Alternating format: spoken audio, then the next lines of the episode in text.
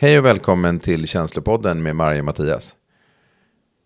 Vi har valt att i den här delen av Känslopodden att vi ska fokusera på ätstörningar.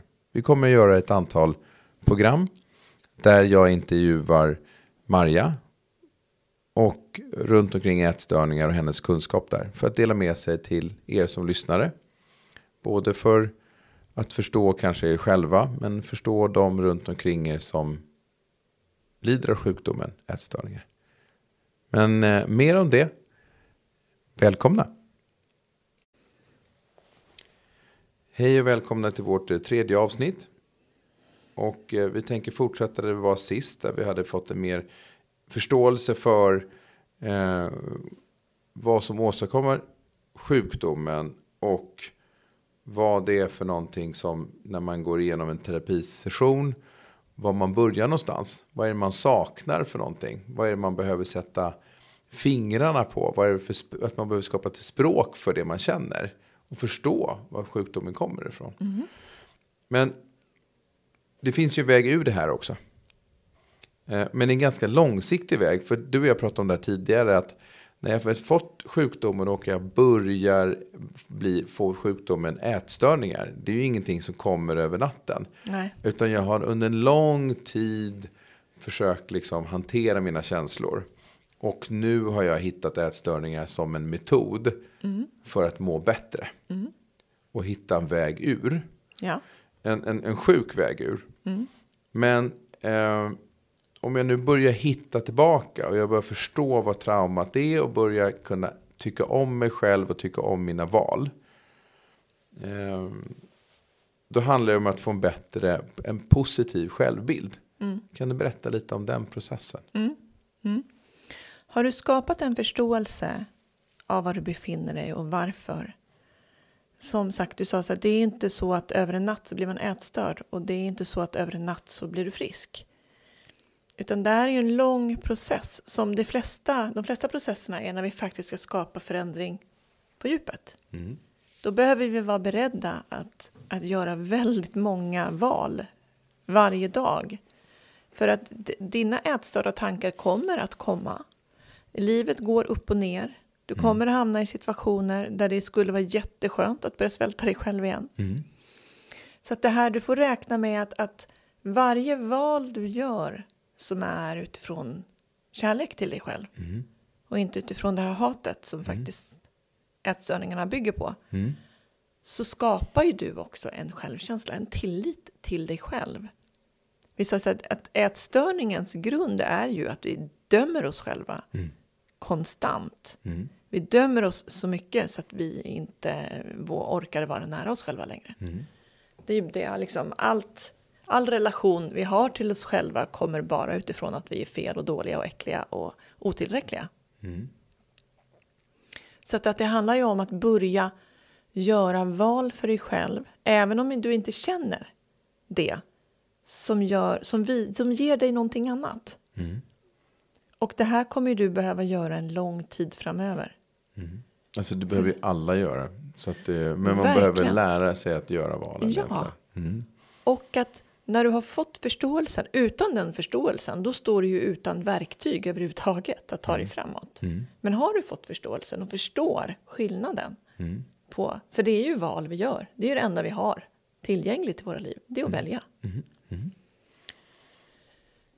Då behöver du börja göra medvetna val och det behöver du göra kanske flera år framöver på, på ett noggrant sätt till dig själv för att börja bygga en tillit och en kärleksfull relation till dig själv där du kan lita på dig själv. Mm. För att som ätstörd så har du ingen tillit överhuvudtaget. Så bygga självkänslan ja. egentligen från grunden. Mm. Utgå från att den här personen inte har någon självkänsla. Ja. Eh, och inte en sund sådan oavsett. Och, ja. och börja bygga den. Att våga lita på att sig själv. Mm. Utan mm. att, som du var inne på tidigare, att man straffar sig själv. Eller mm. gör det från ett annat håll, utan gör det från en, ett, ett positivt håll. Mm. Liksom.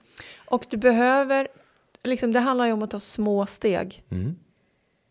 För att är, är vi så här djupt ner mm.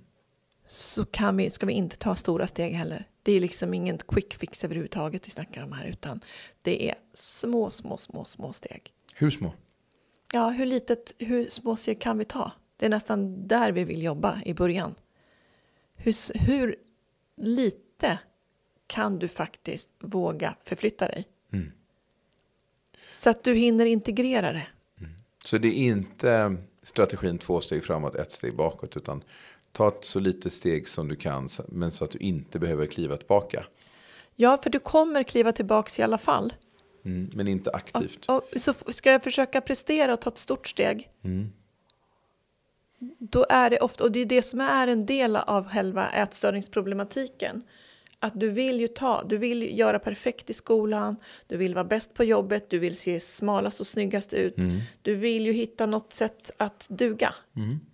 Så att, att det är också i själva arbetssättet att ta så små steg det bara går. Så att du plockar bort prestationen.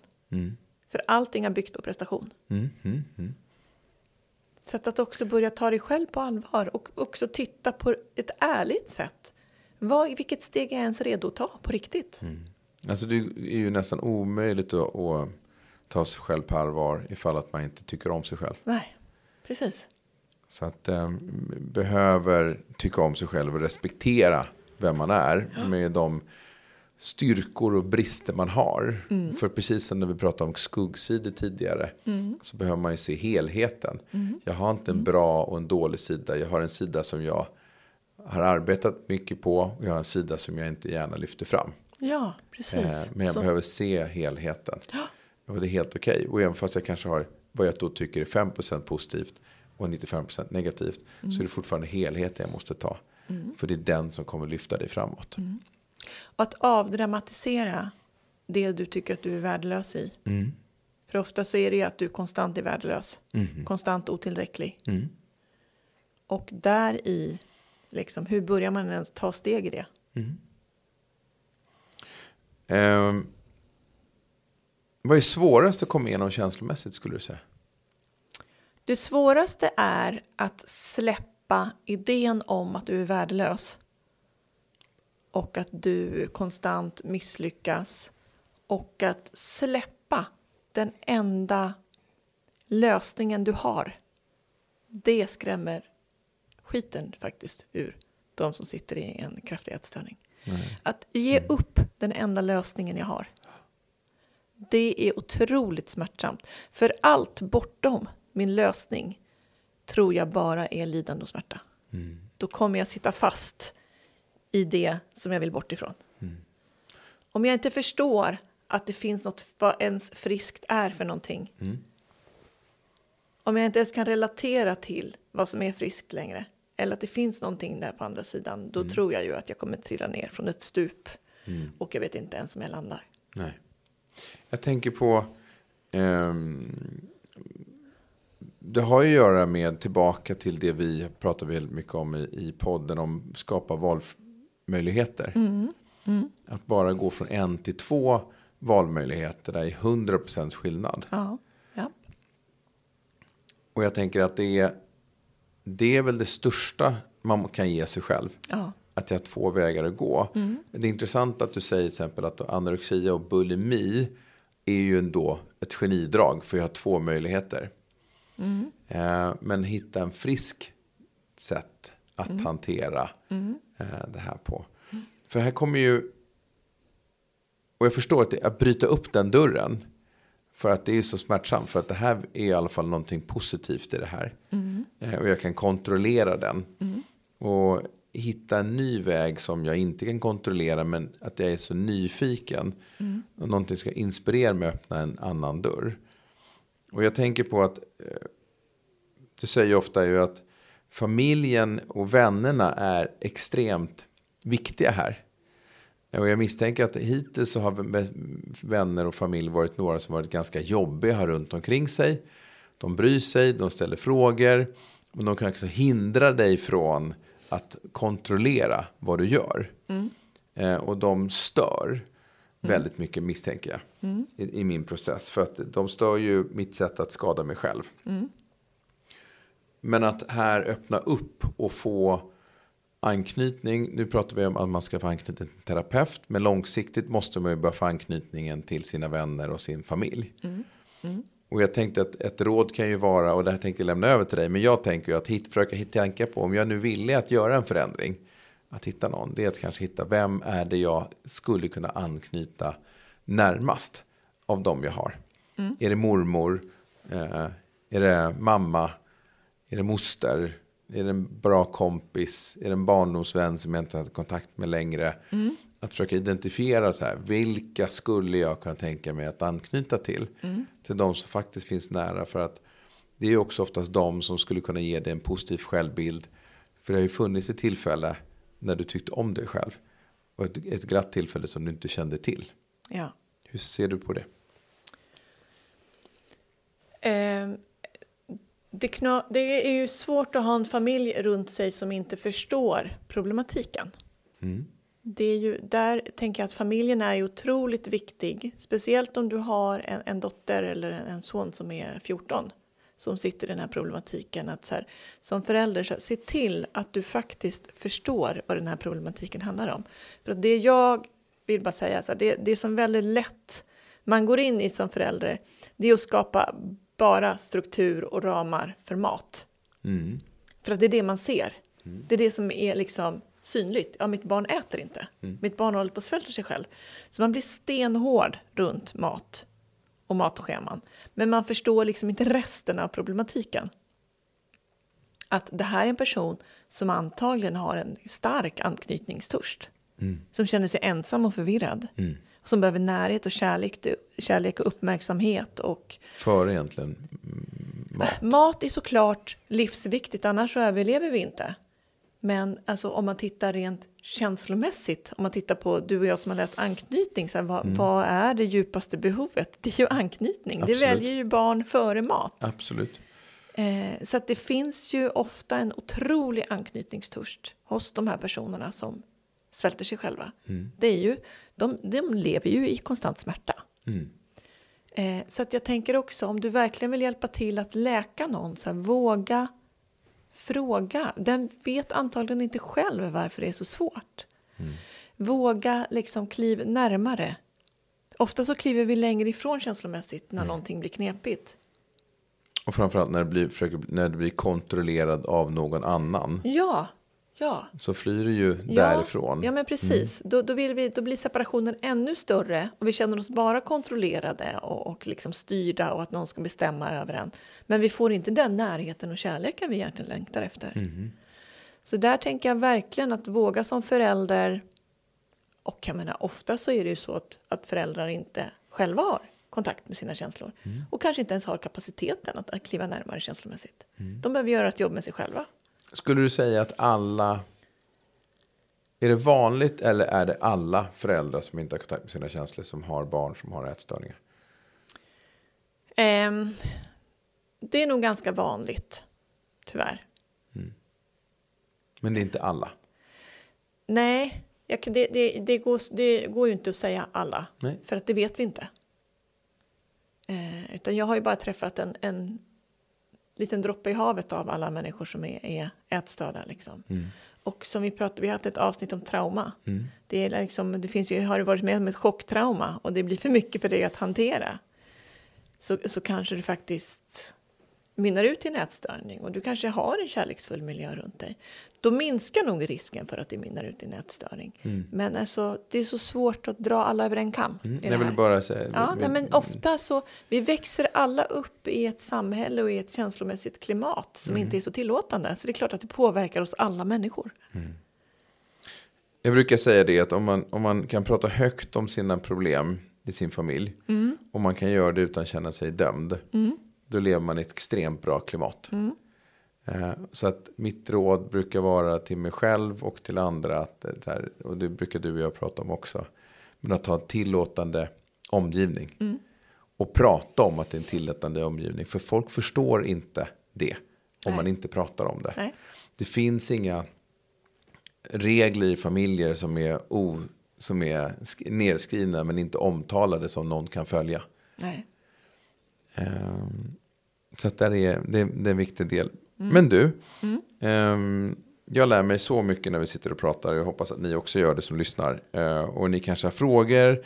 Och ni är alltid välkomna att vända er till oss eh, och ställa frågorna. Eh, kanske ni vill att vi ska ta upp ämnen som ni inte eh, ja, men ni är lite nyfikna på.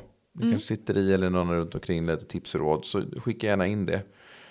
Men det, den frågan jag tänkte avsluta med att säga Mm. så här. Vad, Mm. vad tycker du är, vad är viktigast ehm, i det här arbetet? Om du har liksom så här ett råd eller tips eller någonting till den som har en ätstörning eller anser att de inte kan hantera det här. Vad, vad är det för, vad ska man göra?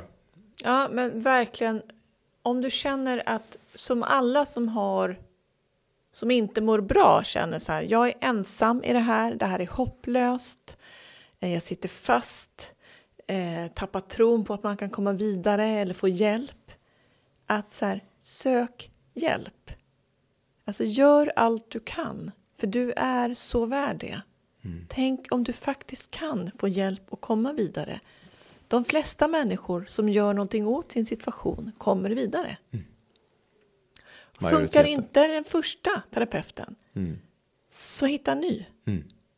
Det handlar om personkemi, det handlar om att du ska våga anknyta och lita på någon för att våga öppna upp dig. Så att det, är liksom, det finns ingen vägs ände, utan så fortsätt framåt. Mm. Det finns någon där ute som kan hjälpa dig. Våga lita på det. Och med det då sagt, vad är viktigast för att ta sig framåt i en terapiprocess? Att du, vågar öppna, att du vågar sätta ord på det som är obehagligt för dig. Mm. Att du vågar lyfta fram det som du inte, där skammen är som störst. Mm. Att du börjar våga öppna upp de där små skrymslena som du tror att det här kommer någon döma mig för. Mm. Det, här är, det är det här som är fel och konstigt med mig. Mm. Det är det här varför ingen tycker om mig. Mm. Alla de här idéerna och allt det här dömandet som du riktar mot dig själv. Sätt ord på det. Mm. Få upp det i ljuset. Så det inte ligger där nere i de mörka vrårna och gror. Mm. För att då kommer det här fortsätta vara en bild som du lever med utav dig själv. Mm. Plockar du upp det i ljuset och du får prata om det och vända och vrida på det och förstå att det kanske inte hör till verkligheten. Så kommer du också ge dig själv möjligheten att ta det till ett nytt ställe. Jag brukar ge det som råd från min sida är att när du sätter dig med en terapeut eller en coach. Du är inte där för att du har en plan som någon annan ska lyssna på. Nej. Du är där för att komma dit och säga så här, jag har inte en plan. Jag vill ha en plan. Eh, Jag kan inte prata om mina känslor. Jag vet inte varför jag eh, hämmar mig själv i min utveckling. Nej. Jag vet inte varför jag själv är rädd. Nej. Det här är jag rädd för. Ja. Att komma till någon där du kan uttrycka dina rädslor. Jag är rädd för de här sakerna. Och det behöver inte vara en fobi. För det är, liksom, det är såklart att du ska gå och söka om du har en fobi som du blir av med. Men ofta så vet du inte vad du är rädd för. Nej. Du kan inte sätta ord på det. Och det är det du kan göra här. Ja. För att, så att du slipper vara rädd. Vara rädd för att inte vara tillräcklig. Ja. Vara rädd för att inte vara perfekt för andra. Ja. Och För det är igen, där man kommer ifrån. igen, det här är ditt dömande mot dig själv. Det kanske inte har någonting med verkligheten att göra. Tack för idag. Tack för att ni förhoppningsvis har lyssnat på våra tre avsnitt om ätstörningar där vi fördjupar lite. Vi kommer säkert återkomma med de här frågorna. Eh, Men vi tyckte det var viktigt att ställa det här på sin spets. Och ge en öppning för, för den här typen av liksom diskussion. Tack så mycket. Tack Maria. Tack Mattias.